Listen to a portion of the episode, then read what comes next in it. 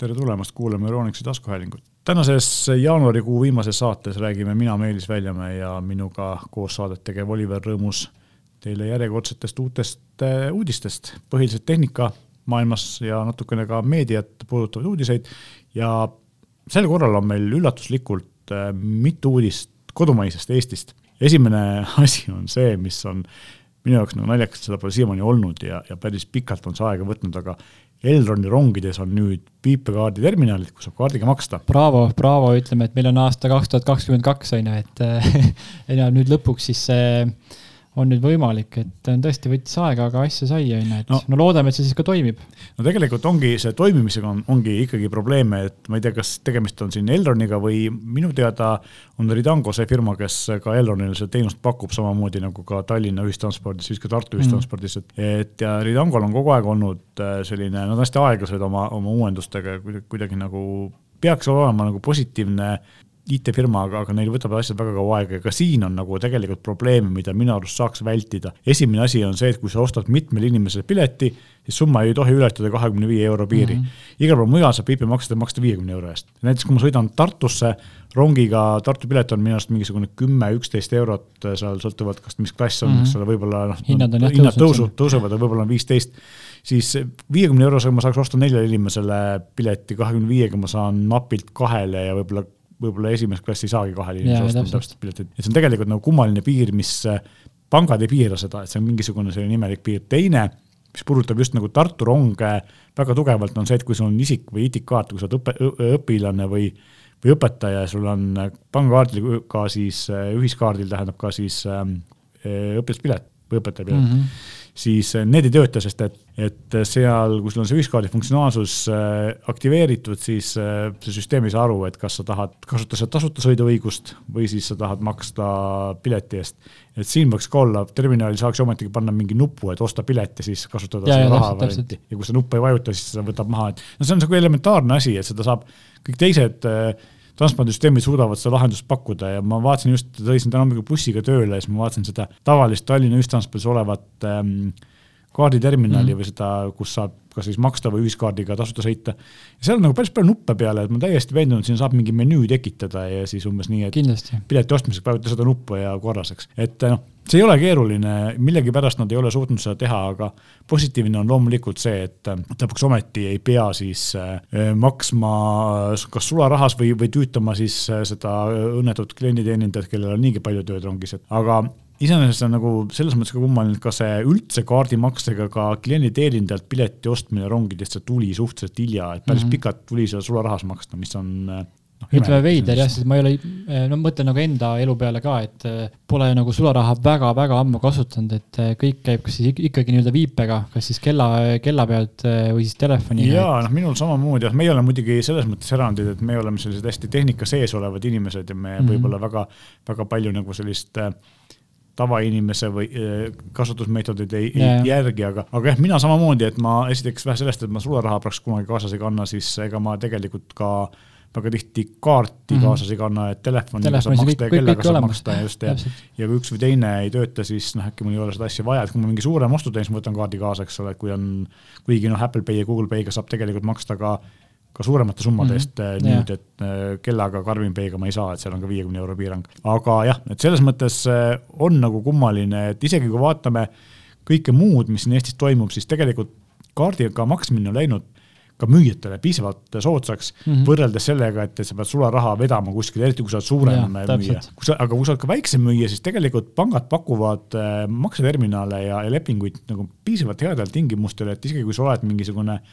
müüd turul oma kartuleid või, või oled mingisugune muu väike, väiketootja, kes teeb, äh, ma ei tea, koodsooke näiteks, eks ole, või midagi mm -hmm. sellist, kus, kus nagu see käive on piisavalt väike yeah., siis tegelikult äh, sel-, isegi sellisel juhul tuleb sul kohati see kaardimakse mugavus kasuks, et kui Muidugi. inimesed ei, ei peaks sulle raha kaasa tassima, et sa saad lihtsalt rohkem kliente ja selle võrra, selle võrra on see asi mugavam, et vanasti oli niimoodi, et Eh, sularaha panka viimine tuli odavam, kui, kui kaardimakselepingut teha ja seda mm -hmm. protsenti maksta, tänapäeval on see vastupidi. et selles mõttes näitab ikkagi seda, et see tehnika areneb kõigi kiuste Eestis nagu päris, päris aktiivselt ja, ja võib-olla võtamegi kui me, kui me juba sellisest tehnika arengust Eestis räägime, siis võtame teise tehnika arengu, millest me oleme tegelikult juba rääkinud, aga, aga millest me räägime ilmselt tulevikus ka veel. Nimelt siis ähm, majandus- ja kommunikatsiooniminister kinnitas 5G kesksageduse oksjoni tingimused ettevõtlus, infotehnoloogia minister tähendab siis meil on majandusministeerium eraldi ja tähendab see seda, et ikkagi jagatakse ära kolm luba, mitte neli, et see on nüüd kindel. teiseks on see, et ähm, keegi jääb suurest mängust välja no,. keegi jääb suurest mängust välja, aga ega siin tegelikult neid äh, tõsiseid tegijaid palju ei ole, et siin on, on räägitud Levikomist, aga Levikom on jätkuvalt, äh, neil on maksuvõlad ja nii edasi mm., neid, neid nagu väga ei võib-olla sinna konkursile ei lubata, kuigi samas siin ITL ehk siis äh, Infotehnoloogia ja Telekommunikatsiooni Ettevõtete Liit tahtis sinna otsusesse ka piiranguid, käibepiiranguid, et väiksed firmad ei saaks sinna litsentsi võtma, sest nende väide on see, et, et kui äh, väike firma osaleb seal oksjonil, siis ta võib hinna üles ajada, aga tegelikult neil seda raha ei ole, seda võrku mm -hmm. välja ehitada. Yeah.. ja noh, tegelikult ainus, kellest veel natuke räägiti, kes võib tulla siia turule nagu päriselt reaalselt äh, konkursil osalema ja ühte litsentsi tahtma, on Leedu suuroperaator Byte mm., kes tegi, hiljuti võitis ka konkursi, millega ta pakub ülikiiret internetti Balti riikide ülikoolide vahel, ka siis Tartu ja mm -hmm. Tallinna mingite ülikoolidele et nemad võisid olla nagu ainsad tugevad konkurendid, ülejäänud suured tegijad nagu Eesti turule tulla ei soovi, vähemalt ei ole näha, et nad sooviksid. ja noh, mõned suured tegijad, kelles huvi on olemas, on meil olemas, Elisa ja Telia, mõlemad rahvusvahelised mm -hmm. kontsernid, noh tegelikult Tele2 on ka rahvusvaheline kontsern yeah., aga ülejäänusid äh, siin Vodafone'i või, või äh, mõni teisi selliseid me ilmselt Eesti turule tulemas ikkagi ei näe. mõnes mõttes on see kolm äh, sagedust, kolm litsentsi selles mõttes just kehv, et, et konkurentsi juurde ei tule, mis tähendab seda, et hinnad odavamaks ei lähe, aga samas teistpidi on see, et nagu me oleme ka saates varem rääkinud, et kuna see sagedusala on selle võrra suurem, siis äh, on ka kiirused paremad, eks ole. aga mis ongi huvitav sageduste puhul, ma loen siit uudisest nagu seda, et äh, sagedust jagatakse välja seitsmekümne, kuuekümne megahertsiste plokkide kaupa ja mulle meenub, et vanasti räägiti sajast megahertsist, ehk siis ikkagi see kiirus ei ole võib-olla, võib-olla seal on mingid mingid piirangud, et kui palju saab äh, mingisugust näiteks siin Venemaa on kõrval, kes tahab kasutada ühel pool Läti, teisel pool on Venemaa, eks ole, et et kui palju siis saab nagu neid ähm, sagedusalasid naabritega jagada mm, -hmm. et võib-olla seal on mingid piirangud. Teine asi on, äh, on see, et ma tean, et kui meil on see sagedusala, mida jagatakse, on kolme tuhande neljasajast kuni kolme tuhande kaheksasaja megahertsini, Ameerikas käib praegu suur poleemika selle üle, et nende sagedusala jookseb nelja tuhande megahertsini välja samas, samas nagu selles 5G kategoorias ja, ja seal nelja tuhande kahesaja juurest algab lennukite altimeetrid ehk siis kõrgusmõõdikud ja, ja seal on suur oht selles, et, et paremad lennukid ei oska enam korralikult maanduda ja õhku mm -hmm. tõusta, kui, kui 5G sagedus on kõrval, et seda praegu testitakse seal, et lennujaamade läheduses on USA operaatorid selle esialgu välja lülitanud, ootavad siis otsust selle kohta, kas see on ohtlik või mitte. meie sagedus natuke madalam. mida me sellest saame, me saame sellest äh, seda, et kuna see sagedus on omajagu nagu kaks korda kõrgem või poolteist korda kõrgem kui praegune kõige kõrgem 4G sagedus, siis me saame sellega, noh, ma arvan, et selline, vaadates ka 5G efektiivsust, kaks korda, kolm korda, võib-olla viis korda suurema kiiruse maksimaalselt mm. -hmm sõltuvalt, sõltuvalt sellest, kui palju siis äh, seadmeid on ühe masti ligiduses. aga samas negatiivse poole pealt, kuna kõrgsagedus on, on siis äh, probleem selles, et ta ei levi nii, nii kaugele, eks ole, et massid peavad olema lähemal. Ehm, mina tunnen seda kodus, kus mul on nagu uus maja ja paketaknad ja, ja rõdu ja betoon, eks ole, päris palju rauda on ümber, siis seal ega kumbki, mul on nii Elisa SIM kui Telia SIM ja kumbki väga levida ei taha, õnneks, õnneks on see, et äh, minu telefon toetab nagu uuemad Samsungid ja iPhone'id ja sellist toetavad mõlemal operaatori puhul eh, siis eh, voice over wifi't, ehk siis ma saan wifi kõnesid teha, et mul on kodus wifi võrk ja ühendan telefoni sinna ja töötab mm, -hmm. eks ole. muidu mul oleks päris suuri probleeme eh, selle leviga ja muidugi noh, garaažis maa all, seal ei ole üldse mingisugust levi, et siin ja. ongi selleks, et garaaži ust lahti teha, on pandud garaaži eraldi wifi ruuter, et see oma võrk oleks muud moodi nagu telefoniga mm. seda avada ei saa, ei saa helistada seal numbrile, mis avab ust, ega ka ei saa siis äh, vajutada äpis nuppu, just, aga äh, mis tulevikku puudutab, et kuhu see 5G nüüd edasi läheb, siis tegelikult järgmine samm äh, selle, kui see suvel võib-olla siis see nüüd esimene päris 5G võrk avalikuks saab, siis järgmised kaks oksjonit tegelikult on, esimene on ähm, kuskil seitsmesaja megahertsi piirkonnas, mis oli varem telekanalite jaoks mõeldud sagedus, nüüd on, kuna telekanalid on läinud digitaalseks, seal nii palju ruumi vaja ei ole, siis see osa võetakse, ülemine ots võetakse 5G kasutusse. seal ilmselt noh, ma arvan, et järgmine aasta võib see juhtuda, et antakse ka need sagedusalad välja ja, ja see, milleks on madalam sagedus kasulik, on just äh, kiirus ei ole küll nii hea, aga läbi, see levi on parem, ehk siis maal kus sul ei ole võimalik kaablit vedada, siis püsiühendust mm -hmm. selle madalama sageduse peal teha on just nagu väga mõistlik. ja, ja siis järgmine kaugem tulevik ilmselt on äh, siis äh, väga kõrge sagedusega kolm-neli tuhat megahertsi, kolmkümmend, nelikümmend tuhat megahertsi, äh, mis on kümme korda kõrgem, et seal on juba niimoodi, et tugevam vihm ja, ja tugevamad puulehed võtavad selle, selle levi maha.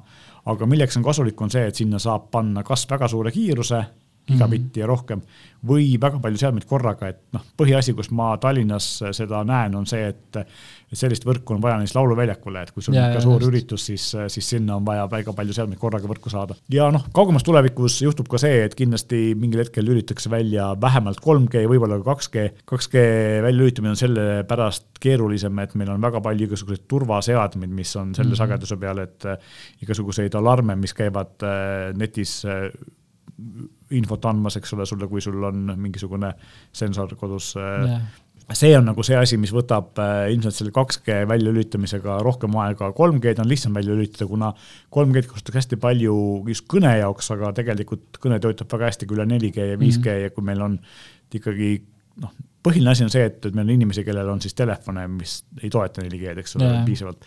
aga ma arvan, et ka sellega saab operaatorid ja kui nad tõesti tahavad selle sageduse välja lülitada, siis nad saavad teha eh, nendele klientidele piisavalt häid pakkumisi, et eh, inimesed ostaksid endale või, või mm -hmm. kasvõi annavad tasuta uued telefonid, mis, mis toetavad uuemaid sagedusi, nii et, et selles mõttes tulevik on 5G päralt ja, ja suvel me ilmselt siis seda esimest kõige, kõige hiljem näha saame, noh, võib-olla juhtuda, et ka varem, kui operaatorid tõesti need võrgud võiksid juba vaikselt tegelikult valmis ehitatud olla, piisavalt nupuvajutusest, seda ma ei tea, ega operaatorid sellest mm -hmm. rääkida ei taha, kui kaugele nad tegelikult oma arendustega jõudnud on. aga selge on see, et mitte ükski Eesti operaator selle koha pealt ei maga ja kuna nad kindlad on, et need sagedused kohe-kohe tulevad, siis ma usun, et see võrguehitus tegelikult äh, vaikselt käib juba päris aktiivselt päris pikka aega no ütleme nii, et, nii, et noh, tegelikult need mõlemad uudised, nii siis El-, Elroni kohta kui, kui siis ka selle 5G kohta, et need on uudised, mida on natuke isegi naljakas aastal kaks tuhat kakskümmend kaks nagu rääkida, on ju, tegelikult. see näitab et, seda, et meie tiiger ikkagi natuke lonkab. jah, et me kuidagi, me oleme juba tegelikult nagu maha jäänud sellest nagu rongist, et, et see, et noh, tegelikult see oleks pidanud juhtuma palju varem juba. just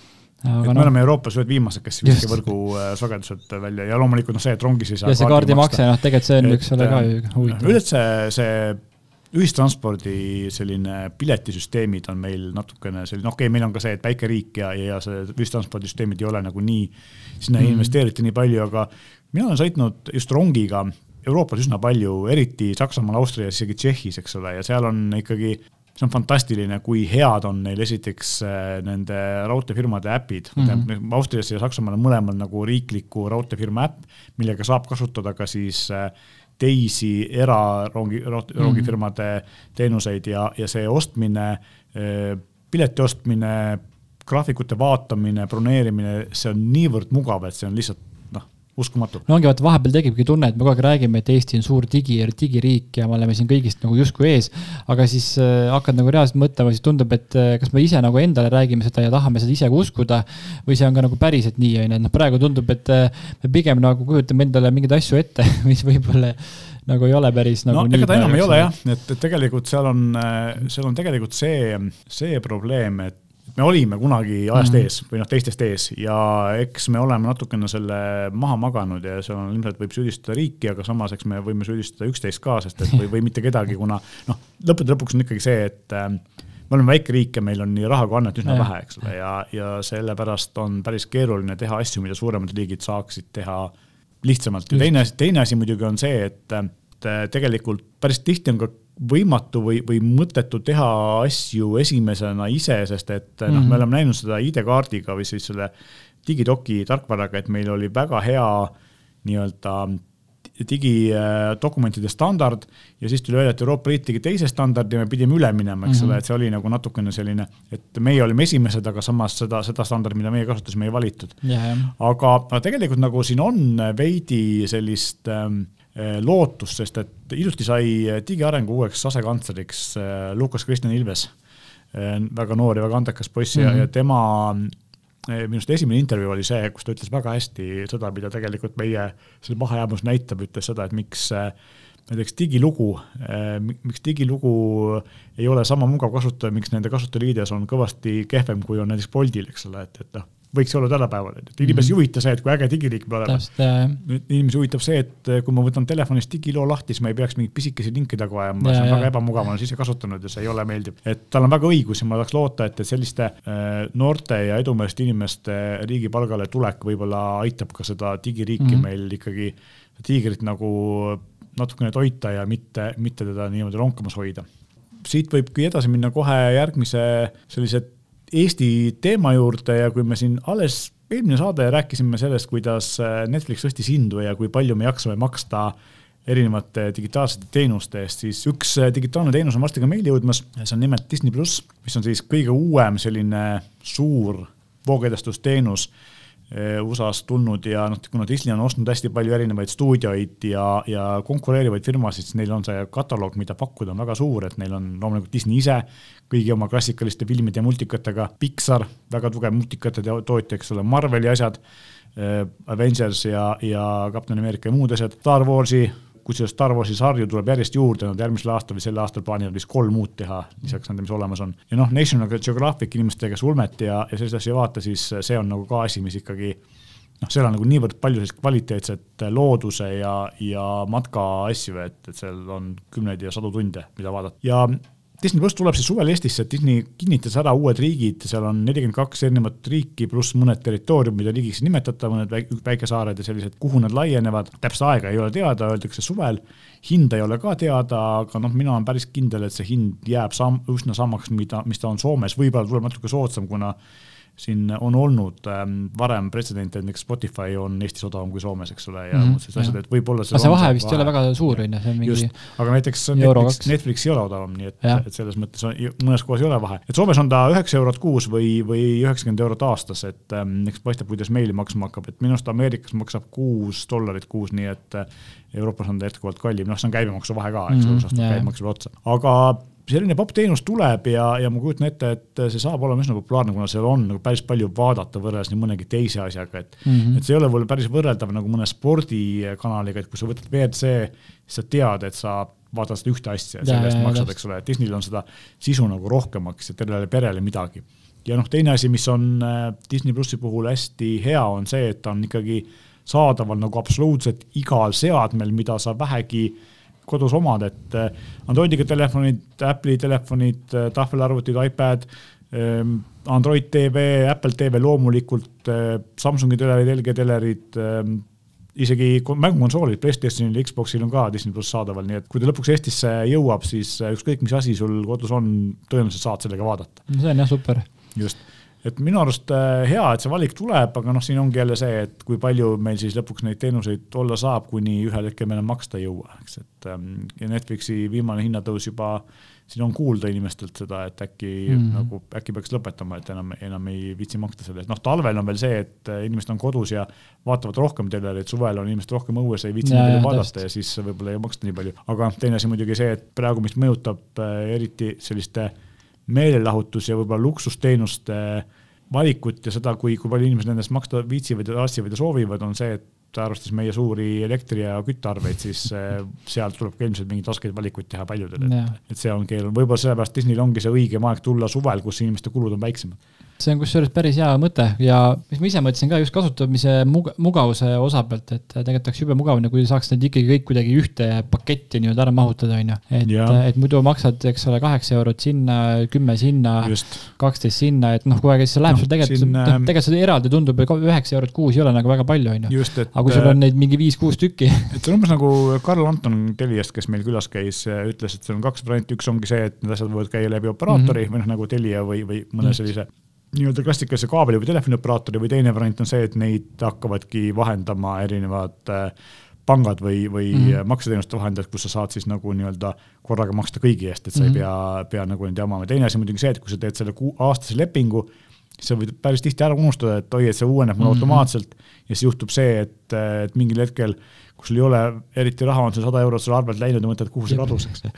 ja kusjuures mul just oligi see WRC uuenes ära, aga WRC tõstis ka hinda kümme eurot eh, on No nüüd vot. kallim see aasta, nii et eh, läks ka niimoodi, vaatas, et oi, kuskilt oli see sada, sada eurot läinud, et. ja siis ma tean, et päris paljud teevad niimoodi, et kui neil on mingi üks-kaks sarja, mida nad tahavad vaadata ja tavaliselt äh, päris tihti näiteks Netflixi asjad tulevad ju välja mitte korraga terve hooaeg, eks ole, et siis nad teevad kuuks ajaks selle liitumise, vaatavad ära, lõpetavad ära, pärast kui tuleb uus hooaeg, teevad uuesti, eks. et ka seda kasutatakse ja, ja see on nagu neil täiesti lubatud ja, ja nad äh, lubavad seda teha ja, ja noh, parem mingi raha saada kui mitte midagi saada, eks. tõsi aga lähme siit äh, veidi rahvusvahelisemate teemade juurde ja loomulikult telefonid on meil jätkuvalt hästi populaarsed asjad ja üks selline selle nädala uudis on see, et Xiaomi tutvustas uusi Redmi Note sarja uut Redmi Note sarja. Ja Redmi Note on tegelikult siis olnud aastaid olemas ja ta on alati olnud selline hästi hea hinna ja kvaliteedi suhtega, et äh, telefonid on korralikud olnud, nad maksavad vähe, aga nüüd need uued mudelid, mis äh, välja kuulutati, mis ei ole veel Euroopasse jõudnud, aga ilmselt nad kindlasti siin lähikuudel jõuavad, sest et alati on nad Euroopasse jõudnud, on äh, natuke kallimad just sellepärast, et seal on, nad lähevad ikkagi päris tugevalt, mulle tundub, et see Note suurema ekraaniga mudel Redmi valikus jääb äh, sellisesse äh, natuke kallimasse otsa ja siis tavaline Redmi ilma Node'ita, need väiksemad mudelid jäävad nagu odavamasse otsa, aga noh, sellegipoolest, et kui me räägime sellest, et üheksakümne hertsine viie tuhande milliamprise akuga ja kolmekümne kolme vatise kiirlaadimisega telefon maksab, see lihtsam variant, eks ole, siin no alla kahesaja euro ja, ja 5G versioon, kõige kangem on noh, kuskil kolmesaja viiekümne euro kandis, ma pakun, et ta tegelikult saab olema odavam, kuna kolmesaja viiekümne euro kandis on ka eh, meil siin saatest mitu korda läbi käinud Samsungi Galaxy mm -hmm. A52s, siis tegelikult eh, ma usun, et ta jääb pigem alla kolmesaja ja sel juhul on see hind ikkagi väga konkurentsivõimeline ja telefon näevad väga ilusad välja Eh, kaamerad on üllatavalt head, neil on Samsungi saja kahe, kaheksa megapikslised eh, kaamerad, et eh, paistab, sest et siiamaani Redmi Note on olnud Eestis hästi müüdav mudel just lastele, ehk selles mm -hmm. mõttes, et vanemad ostavad lastele kooli sellise telefoni, mis on ühtepidi suur ekraani, suur ekraan, hea kaamera, mida lapsed nagu tahavad kasutada, aga teistpidi ei maksa nii palju, et kui nad selle yeah. ära hävitavad, siis peaks äh, uue ostmiseks nagu väga palju kulutama. et, et selles mõttes on äh, ta noh, võrreldes siin iPhone'i, mille SE maksab, eks ole, üle neljasaja euro, et on ikkagi kaks korda odavam. Äh, ja väga-väga suur konkurent just sellises odavamas klassis Samsungile või, või siin teistele, et, et Xiaomi on alati just selle Redmi seeriaga teinud äh, selle koha pealt väga head tööd. üks probleem on see, et ei ole, tundub, et nagu Android üheteistkümnega tulevad, mis on naljakas, sest Android kaksteist on juba jupp aega väljas olnud, aga võib-olla Euroopa turul nad suudavad juba siis uut Androidi pakkuda. eks paistab, et kindlasti, kui need äh, meile müügile jõuavad, siis me anname teada, et see tõenäoliselt juhtub äh, hiljemalt kevadel mitte kindlasti suvel, et, et tavaliselt siis, kui nad Aasiasse välja tulevad, siis varsti, varsti jõuavad nad ka Hiinas, Hiinast Euroopasse.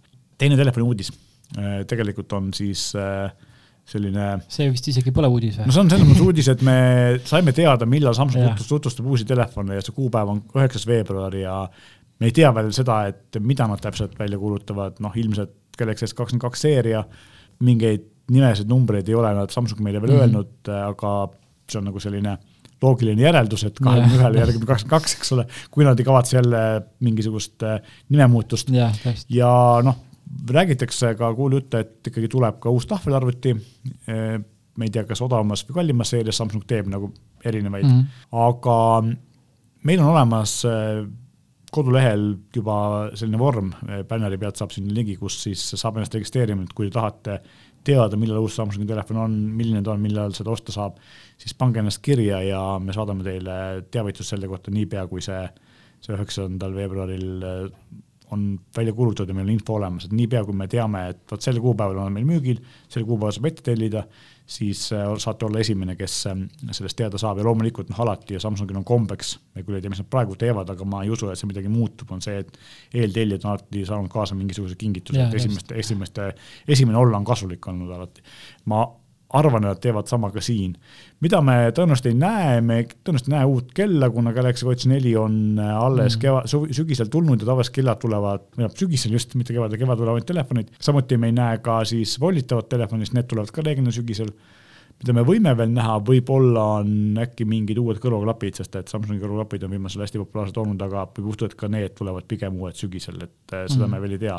Telefonid kindlasti, aga ühesõnaga, hoidke silma peal, üheksas veebruar on see kuupäev ja kui te tahate äh, rohkem täpsemat infot, siis äh, otsige üles meie kodulehelt telefonide kategooriast selline e-registreerimise bänner, klikige sinna peale, pange ennast kirja ja me saadame teile selle info esimese esimestena välja, niipea kui me ise oleme selle info saanud. ja nüüd me võib-olla räägime asjadest, mis on pigem nagu selline sinu pärusmaa, et äh, muusika ja, ja video ja, ja selline sotsiaalmeedia, et sina oled nagu sellega aastaid tegelenud ja esimene, mis pani mind äh, nagu natukene sellist kukat kratsima, on see, et äh, selline Youtube'i uus asi nagu Youtube Shorts on saanud kahe aastaga üle viie triljoni vaatamise ja tegelikult, kui nad tulid sellega laiemalt ju välja alles mingi aasta tagasi, kaks mm -hmm. aastat, see esimene aasta oli tegelikult mõningas, mõningates üksikutes riikides siis ma tegelikult ei tea, kui palju on viis triljonit vaatamist, samas ma tean, see on väga suur number. see number on nagu suur, jah. aga küsimus selles, et kuidas ta võrdleb mingisugust Tiktoki videotega või Instagrami. vot seda peakski tegelikult nüüd natuke uurima, ma pean ka seda vaatama, mis need numbrid seal on. aga lihtsalt mulle endale tundub, et tegelikult ikkagi vähemalt Eestis praegu noored ikkagi istuvad äh, Tiktokis nii-öelda, mitte siis ja. Äh, seal Youtube'is et noh, Youtube'is on ikkagi, ta on niisugune nagu sa vaatad seal need äh, Youtube erid, eks ole, noh, sa vaatad nende elu, sa vaatad, kuidas nad on, et need äh, shorts'id on pigem ikkagi, vähemalt, vähemalt minu arust on ikkagi niisugune Tiktoki pärusmaa. just, et mina olen, äh, noh, ma kasutan Youtube'i üsna palju ja ma järgin seal mingeid spetsiifilisi asju, enamasti tehnikaga seotud asju, aga ma olen näinud, et needsamad Youtuberid on teinud ka short'e, eks ole mm, -hmm. ja ma ei ole kunagi neid vaadanud ma vaatan nüüd samade, samade tegijate pikemaid videosid, eks ole mm, -hmm. aga ma short'e pole kunagi vaadanud ja, ja see on huvitav, et see ei ole isegi, noh, ma ei ole isegi mõelnud, et ma tahaks neid nagu vaadata, see on imelik, võib-olla ma ei ole nagu õige õige sihtrühm, sest ma ei ole enam viisteist, eks ole. no täpselt, vaata aga..., sa, sa ikka tahad nagu midagi saada ka, ütleme videost, sa saad ju vaadata, eks ole.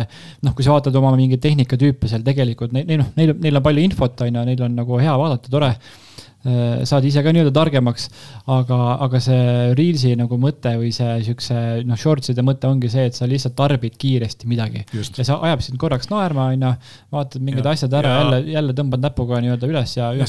ja seal ongi ilmselt see, et, et need inimesed, kes ähm, seda formaati ehk seda lühikest mm -hmm. hästi teevad, need ongi ju tegelikult äh, noh, natuke on need Instagramis, aga nad enamasti ongi Tiktoki kolinud ja vaevalt, et, et samad inimesed viitsivad midagi Youtube'is teha ja Youtube'i seltskond on pigem niisugune vanem ja, ja võib-olla mitte nii huvitav, eks ole mm, -hmm. nende võib-olla oskused teha lühikest videot ei ole nii head kui, kui pika video tegemisel. ja, ja sellepärast äh, jah, võib-olla ka mina ei ole nagu, nagu sellesse sellest tüübist videotest nagu väga-väga huvi tundnud nende vastu, aga huvitav lihtsalt see, et, et hoolimata sellest tundub see vaatajanumber väga suur ja noh, loomulikult üks äh, põhjuseid siin võib olla see, et Youtube tegelikult ju ise äh, näitab neid või paneb sinna feed'i neid hästi aktiivselt, et kui sa nagu mingisugust äh, tegijat järgid, siis jälgid, siis tegelikult tema nagu need shorts'id ilmuvad sinna ikkagi sulle päris nagu nina alla niimoodi, et, et neid on võimatu mitte näha. et siin ilmselt neid klikitakse palju. ja noh, noh, seal on veel see teema ka, et äh et, et noh, vaata praegu, eks ole, Instagram Reels üritas ka tulla, aga mida ma ise nagu näen, on tegelikult see sisu on täpselt sama. et noh, et kui sa paned juba, teed ühe selle Tiktoki video, siis see tavaliselt läheb ka, jõuab sinna Reelsi ja ma eeldan, et siis ka Youtube'i on ju. noh, et siis tegelikult on nagu see, kes, kus on harjunud nii-öelda olema, millises äpis. täpselt. et, et. ja noh, mina muidugi äh, jällegi sellise äh, vanakooli meediatarbijana minule jätkuvalt ei meeldi see telefoni põlvkonna probleem, et, et äh, vertikaalne video, ma, mulle ei meeldi vertikaalne video kohe üldse ja aeg-ajalt ma seda pean paratamatult vaatama, aga, aga minu arust äh, meil silmad on ikkagi horisontaalselt üksteise kõrval, et, et horisontaalne video on see, mida inimesed peaksid vaatama. seda küll, noh, aga ütleme. vanainimese jutt, eks. aga samas, kui sa noh, oledki, eks ole, kogu aeg ainult telefonis, siis noh, sul telefon on ju, ongi ainult vertikaalis on ju jah, et noh, sul ei jäägi muud üle et selles mõttes ta telefoni muideks saab pöörata. seda ka muidugi, aga jälle lisa, lisategevus, mida ei ole vaja teha, on ju. just, ehk siis ühesõnaga võimalusi on, et hea on see, et äh, tegelikult positiivne selle juures on ju see, et konkurents on, järelikult konkurents ja. töötab. igaüks leiab selle oma kanali, kus on need inimesed mm, -hmm. keda tema tahab jälgida, vahet pole, kas see on Instagram, Youtube või see on äh, TikTok, eks ole, võib-olla kunagi tuleb mingisugune uus äh, uus konkureeriv, kusjuures huvitav on see, et, et kui selline tasuta või, või selline nii-öelda äh, influencer itel või inimestel, inimesed meie hulgast poolt tehtud äh, sisu on populaarne, see on hästi edukas, eks ole mm., ja töötab ja sealt nad teenivad päris palju, siis ähm, nii-öelda professionaalsete vanakooli inimeste poolt äh, üritused sama asja teha on täiesti korralikult hävinud, et kunagi oli selline äh, meediaplatvorm nagu Kubi äh, mingi sellise kuutähega oli, -hmm. kus siis üritati teha väga, see Hollywoodi äh, produtsendid üritasid teha äh, Tiktoki stiilis asja, aga siis nagu päris näitlejatega, päris sarjadega, et, et sa mm. võid vaadata nii vertikaalselt kui horisontaalselt, ta pööras vastavalt sellele ja selliste lühikeste, lühikeste juppidena. ja noh, aasta hiljem nad ja päris suure, suure raha kulutamise järel nad panid selle asja kinni, siis tuli välja, et keegi nagu väga ei tahtnud vaadata, kõik vaatasid ikkagi seda Tiktoki sisu. ja, jah no eks seal ongi võib-olla see, et natuke oligi liiga professionaalne, on ju, et, et seal on vaja täpselt sellist niisugust. spontaansust. jah, täpselt, et selline veits toores, ütleme, toores, toores materjal. et see on see, et sa tunned ennast ära, et ah, mina võin ka midagi sellist teha, eks ole, sa räägid minuga, et oh, samasugune inimene nagu mina ise, et. et ei ole see, et mingisugune kuulsus, eks ole, räägib Brad seal ja saab just, täpselt. et see ilmselt on ähm, oluline ka noortele eriti. aga kui me siin räägime võib-olla veel siis äh, meediast, muusikast ja, ja podcast idest, mida me siin ise praegu teeme, siis selline huvitav liigutus äh, Neil Youngi poolt, kes siis ähm, ütles Spotify'le, et seni, kuni äh, Spotify lubab Joe Roganil teha podcast'i ja nende platvormil seda edastada, siis tema muusikat Spotify ei tohi kasutada. Ja Spotify sellega, seda kuuldes ei teinud mitte kokkulepet, vaid ütles, et jaa, et Joe Rogan jääb ja Neil Young võib oma muusika ära koristada mm. -hmm. tegelikult see ei ole nagu esimene kord, kus Neil Young niimoodi käitub ja ta on ähm, kunagi enne võtnud ka Spotify'st ära oma muusika sellepärast, et tema arvates ei olnud Spotify kvaliteet piisavalt hea. vahepeal on Spotify kvaliteedi parandanud ja ilmselt ka siis äh, rahakott hakkas tühjenema ja Neil Young tõi oma muusika tagasi, aga nüüd on see uuesti läinud, et probleemi olemus oli tegelikult see, et siis äh, Joe Rogan oma podcast'is kasutas selliseid vaktsiiniskeptilisi väljendeid ja üldiselt siis paljude arvates oli natukene liiga, käitus liiga vabalt tõe ja, ja siis sellise teadusliku infoga. ja see loomulikult ei, ei meeldinud paljudele ja Neil Young oli ilmselt kõige selline vokaalsem selle probleemi väljatooja. ja siin tekkiski kohe küsimus, eks ole, et, et noh, esiteks Joe Rogan tegi Spotify'ga lepingu, et tema väga populaarne podcast on saadaval ainult Spotify's, mitte kuskil mujal, siis tõenäoliselt seal lepingus oli ka kirjas see, et ta võib öelda enam-vähem, mida tahab ja Spotify ei saa nagu neid teda väga keelata. ja teine asi muidugi see, et ega Spotify ei tohi, taha olla selline politsei, kes ütleb, et vot, et minu platvormil olevad artistid eh, tohivad öelda seda, ei tohi öelda teist, eks ole, et see sõnavabadus kehtib, eks ole, selles mõttes meeldib see meile või mitte. aga, aga tegelikult näitab see mõnes mõttes ju ka seda, et äh, podcast'id on nii populaarne platvorm nüüdseks, et, äh, et kui me paneme kaalukausile keskmiselt tuntud äh, muusiku või väga tuntud podcaster, siis väga tuntud podcaster võidab, sest ta tõenäoliselt toob Spotify'le kõvasti rohkem uusi, uusi tellijaid ja, ja uusi äh, nii-öelda palju rohkem raha tuleb sealt sisse, eks ole, et pluss ütleme ka uut muusikat temalt oodata võib-olla on nagu noh, ütleme, tuleb pigem harva, on ju. just nimelt ja, ja loomulikult, et kui, kui see oleks olnud äh,, ma ei tea, Taylor Swift või, või ja, ja täpselt, keegi Billie Eilish või keegi. ja siis, siis ilmselt võib-olla oleks see otsus olnud teistpidi ja Joe Roganil oleks natuke rohkem vastu näppe pannud ja öeldud, vaata, mida sa räägid, kuigi noh, tõenäoline on, et Spotify, kes seda ütles ja mm, -hmm. ja mingisuguse vabandusega on Joe Rogan ka esinenud, aga mitte sellise väga väga usutava vabandusega, siis, siis tegelikult äh, see näitab seda, et äh, tegelikult, et podcast'id on muutunud ikkagi väga suureks äriks ja, ja see on sama suur äri kui muusika, kohati isegi suurem, eks ole mm -hmm., kui sa ei ole mhm. enam väga edukas muusik aga praegu vaatan, et Neil Youngi muusika on endiselt veel üleval, et, et kõigil, kes tahavad veel Spotify's kuulata, on veel võimalus. Et ega, ega üldse imestas, kui vahepeal on mingi salajase kokkuleppe. jaa, täpselt praegu on nagu olemas, vaatan üle kuue miljoni monthly kuulajad, ehk siis ja üle kuue miljoni kuulajat on tal keskmiselt eh, kuus ja on päris korralik number, aga kindlasti okay. mitte nii hea number kui mõnedel noortel artistidel. täpselt. aga noh, klassikat on ka aeg-ajalt hea kuulata kaks mängudega, mängudesse puutuvat uudist siia saate lõppu, et esimene on siis see, et Valve'i Steam Deck tuleb müügile kahekümne viiendal veebruaril ja nagu arvata võis, siis saadavus saab olema esialgu hästi kehv ja selleks, et seda osta, tuleb ennast eelregistreerida ja tõenäoliselt päris pikalt järjekorras olla. aga mis asi Steam Deck on, Steam Deck on selline Nintendo Switchi suurune käsikonsool, mis tegelikult on põhimõtteliselt arvuti, ehk siis selle saab ühendada ka monitori või teleriga ja saab mängida nagu tavalise arvutiga arvutimänge, kõik mängud seal peal küll ei tööta, kuna see protsessor, mis seal sees on, ikkagi ta on mõeldud mobiilseteks mängudeks, ta ei saa olla väga võimas, eks ole, seal ei ole sellist jahutust. Aga päris palju populaarseid suuri mänge on seal olemas, neid tuleb järjest juurde ja tegemist on sellise esimese, kuigi selliseid käes hoitavaid nii-öelda taskuarvuteid on tehtud ka varem, siis see on nagu esimene, kus ta on äh, mugavam päriselt mängimiseks mõeldud. Valve on teatavasti firma, kes ise teeb mänge, kes omab väga suurt mänguplatvormi, siis nad oskavad paremini mõelda seda, kuidas nagu inimesed mängida soovivad ja, ja see interface või kasutajaliides on ka tehtud ikkagi selliseks, et ta on äh, pigem mängukonsooli stiilis, mitte ei ole seal lihtsalt Windowsi jooksmas, vaid tegelikult töötab Linuxi peal, aga, aga seal on äh, Valve'i enda kasutajaliides peale pandud. et ähm, see on saanud üllatavalt palju siis positiivset tagasisidet äh, nendelt inimestelt, kes on seda suutnud siis alguses noh, nii-öelda proovida demoversioone ja, ja nad on seda kiitnud, nii et vaatame, et, et tõenäoliselt tuleb nagu huvitav seade ja võib juhtuda, et kunagi tuleb ka meile müügile, aga hetkel äh, siis, kui ta välja tuleb, saab teda osta ainult siis äh, Valve'i enda poest. ja teine asi, eelmine saade me rääkisime natuke ka siin mainisime, et Microsoft ostis ära Activisioni või ta plaanib osta ära, et see diil ei ole heaks kiidetud. ja siis me nagu arutasime selle üle, et mida see tähendab populaarsete Activisioni mängudelt ja kas, kas Playstation jääb neist ilma ja kas nad saavad olema eksklusiivid, siis eh, eile tuli uudis, et vähemalt kolm järgmist Call of Duty mängu tulevad ka Playstationile. tõenäoline on muidugi see, et see kokkulepe Sony ja Activisioni vahel tehti juba varem, kui mm -hmm. Microsoft eh, selle Activisioni ostupakkumise tegi, nii et eh, noh, kuna kolm mängu tavaliselt tuleb seal üks mäng aastas või isegi harvem, siis äh, tõenäoliselt äh, järgmised kolm-neli aastat võib-olla ei juhtu sellega midagi, et eks me näe, aga. see tundub niisugune mõistlik nii-öelda, nii-öelda ka teha, et, et ma ei ole kindel, palju nad muidugi siis nagu kaotaksid, eks ole, neid mängijaid nagu selle, selle tõttu, aga, aga noh, kindlasti Play, Playstation on ju ülimalt suur, et ja noh, kui see mäng sealt ära kaob, noh, ma ei tea. no mina jätkuvalt näen seda, kuigi Microsoft ei pruugi nõus oleks, nendel on rohkem andmeid, aga võtta vastu ka Playstationi kasutajate raha on oluliselt mõistlikum, kui üritada seda teha mm. eksklusiiviks ja, ja loota, et kõik lähevad sinna mm. kuumaksulisele platvormi peale. et ehm, noh, see on nagu loogiline kuidas see tegelikult numbrites välja näeb, seda oskab ainult äh, nemad ise öelda, et me seda tegelikult ei tea.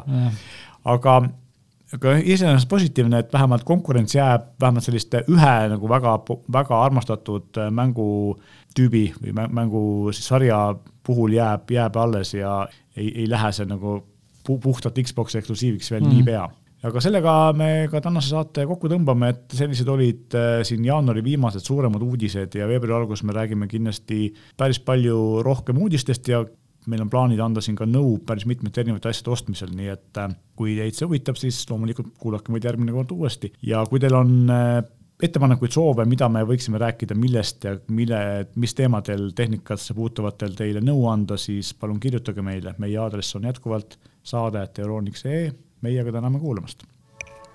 thank you